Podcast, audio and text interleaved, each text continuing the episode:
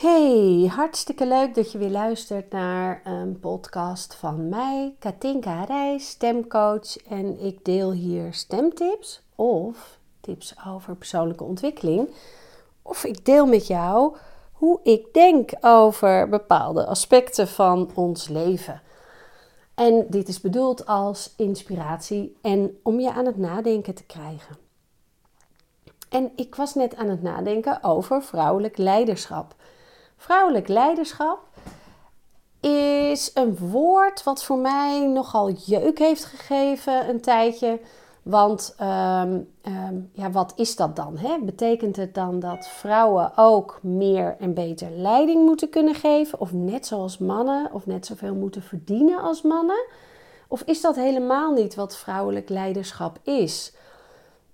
Ik zie als ik daar eventjes onderzoek naar doe, hele verschillende dingen verschijnen. Namelijk vrouwelijk leiderschap is, soms wordt het gezien als je mannetje staan als vrouw op een leidinggevende positie. En dat is volgens mij niet wat vrouwelijk leiderschap is. En misschien is er ook wel niet echt iets voor te zeggen van zo is het wel en zo is het niet. En wat ik heel leuk vind is om je aan het denken te zetten. Heb je wel eens gedacht over vrouwelijk leiderschap?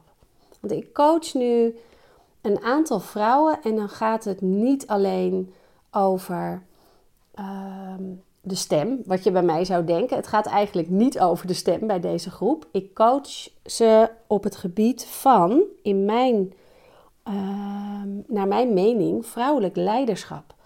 Vrouwelijk leiderschap zou kunnen zijn dat je je vrouwelijke kanten er meer uit laat komen. Dus dat we niet ons mannetje staan. Juist niet dat we ons mannetje staan, moet ik eigenlijk zeggen.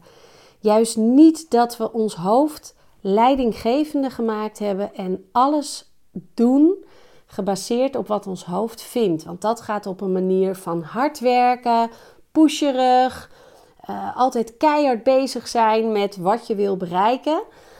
In plaats van dat het op een, een, een, zachtere manier gebeuren kan, of meer in flow, of meer op een relaxte, fijne, intuïtieve manier.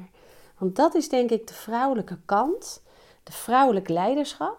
Dat je dus ehm, dat je de intuïtie, de zachtheid, uh, de, de, ja, ik zeg wel eens de delen in je lijf die, die je vaak in bed laat liggen als je eruit stapt. Als je in bed, uh, um, als je in bed ligt en wakker wordt, ik weet niet hoe het bij jou gaat, maar bij mij gaat het zo. Mijn hoofd gaat meteen aan en ik denk, welke dag is het vandaag? Wat moet ik vandaag allemaal doen? En um, wie zie ik vandaag? En, en vooral ehm, kan het dan gaan, oh, oh ja, oh ja, oh ja, ik moet, uh, ik moet een workshop geven of ik moet dit en dat doen. En plop, dat hoofd gaat aan en ik krijg heel makkelijk op die manier stress. En dat is super zonde. Want bijvoorbeeld als het bij mij gaat over uh, een workshop geven, ik weet dat ik het kan en ik heb dat heel vaak gedaan en ik vind het heel erg fijn om te doen. En toch krijg ik stress omdat ik in mijn hoofd ga zitten. En omdat ik met mijn hoofd ga bedenken, ehm, wat zal ik vertellen? En vertel ik dan niet te veel en vertel ik dan niet te weinig? Vindt iedereen het wel interessant wat ik te vertellen heb? Ehm, geef ik wel genoeg waarde? Aan de andere kant ook geef ik niet te veel weg. Als het bijvoorbeeld een workshop is waarbij ik denk ik wil mensen in mijn traject krijgen bijvoorbeeld om ze te begeleiden. Nou, dat is allemaal vanuit mijn hoofd bedacht. En wat ik vaak doe nu, de laatste weken, maanden, is meer de rest van mijn lijf ook aanzetten en meenemen als ik uit bed ga. Dus mijn onderbuik en rond mijn middenrif en bij mijn hart en bij mijn stem, bij mijn keel. En eigenlijk ook mijn helder weten, uh, mijn intuïtie. Dat ik wel weet hoe het zit. Herken je dat? Dat je, ja, ik weet niet hoe dat, hoe dat komt of zo, of hoe, hoe het werkt, maar ik weet gewoon dat dat zo is. Als je het echt weet, terwijl je het niet weet met je hoofd, maar ergens diep van binnen, in het binnenste van je binnenste van je binnenste, ergens waar je baarmoeder zit of heeft gezeten Of op die plek, maar dan bij een man, hè, dat kan ook. Daar heb je ook je helder weten of je intuïtie. Je kan er allerlei namen aangeven. Iets wat je niet kan verklaren met je hoofd. En we willen zo graag alles maar verklaren met ons hoofd.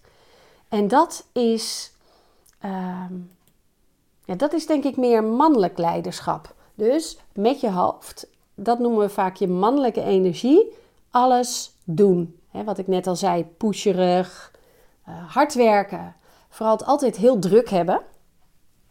En het stukje, ehm, eh, even kijken hoor, dat de opname nog goed gaat. Sorry, sorry, ik maak een beetje lawaai. Um, vrouwelijk leiderschap is dat je je vrouwelijke kwaliteiten ook een rol laat spelen. En probeer dat eens als je je bed uitkomt om te zeggen: niet vanuit mijn hoofd, maar even een hand op je onderbuik en een hand op je middenrif. En een hand op je hart en een hand op je hals. En voor elk stukje neem je even één minuut of twee minuten, net hoeveel tijd je hebt, wat je fijn vindt. En daar adem je even naartoe. En dan mag je voelen dat die delen van jou mee mogen doen. En dan ben je in lijn. En dan, ja, ja, dan gaan je vrouwelijke kwaliteiten ook meedoen. Je, je sensualiteit, uh, je intuïtie, je helder weten, je seksualiteit, je vrouw, vrouwelijke kwaliteiten. En die zijn bij een man ook heel mooi als die eruit komen. Nou, ik ben heel benieuwd wat je hiervan vindt. Dus als je nou denkt, ik wil hierop reageren, doe het vooral. En laat het mij ook weten wat je hiervan vindt. Ik zal het ook op social media weer delen, deze podcast. Dus dan kan je ook daar reageren of iets achterlaten. Want het zijn maar overdenkingen van mij en het is niet de waarheid. Het is, het is niet eens mijn waarheid. Het is mijn denken erover. Hoe is het met jou? vrouwelijke energie, je vrouwelijk leiderschap. En wat daar ook dan nog bij hoort voor mij, is dat je als vrouw, uh, en dat is dan toch wel een iets andere kant, maar dat je die vrouwelijke kwaliteiten meeneemt ook in, in de zorg voor jezelf. En uh, niet alleen maar bezig zijn, zorgen voor een ander en Ehm, eh, lief zijn voor anderen, maar jezelf daarbij vergeten. Dus je, jezelf wat meer op één zetten. En misschien is dat wel eh, een stukje mannelijk leiderschap in jou als vrouw. Nou wordt hier heel ingewikkeld. Uh, waarbij je dus meeneemt dat zorgen voor jezelf, een beetje meer egoïsme, dat zorgt ervoor dat je een fijne persoon wordt voor jezelf. Dat je dat je meer zelfliefde mag voelen. En dan kan je liever zijn naar anderen. En dan kan je zachter zijn naar anderen.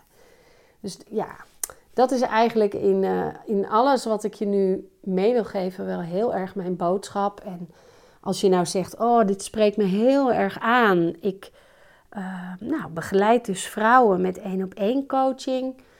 En dat doen we nu heel veel online. En hebben super mooie, mooie gesprekken. En hoe het dan gaat, is dat jij met iets komt. En ik, ik vraag alleen, hoe is het met je? En er komt iets. En dan ga ik intuïtief met mijn sterk ontwikkelde intuïtieve vrouwelijke kant.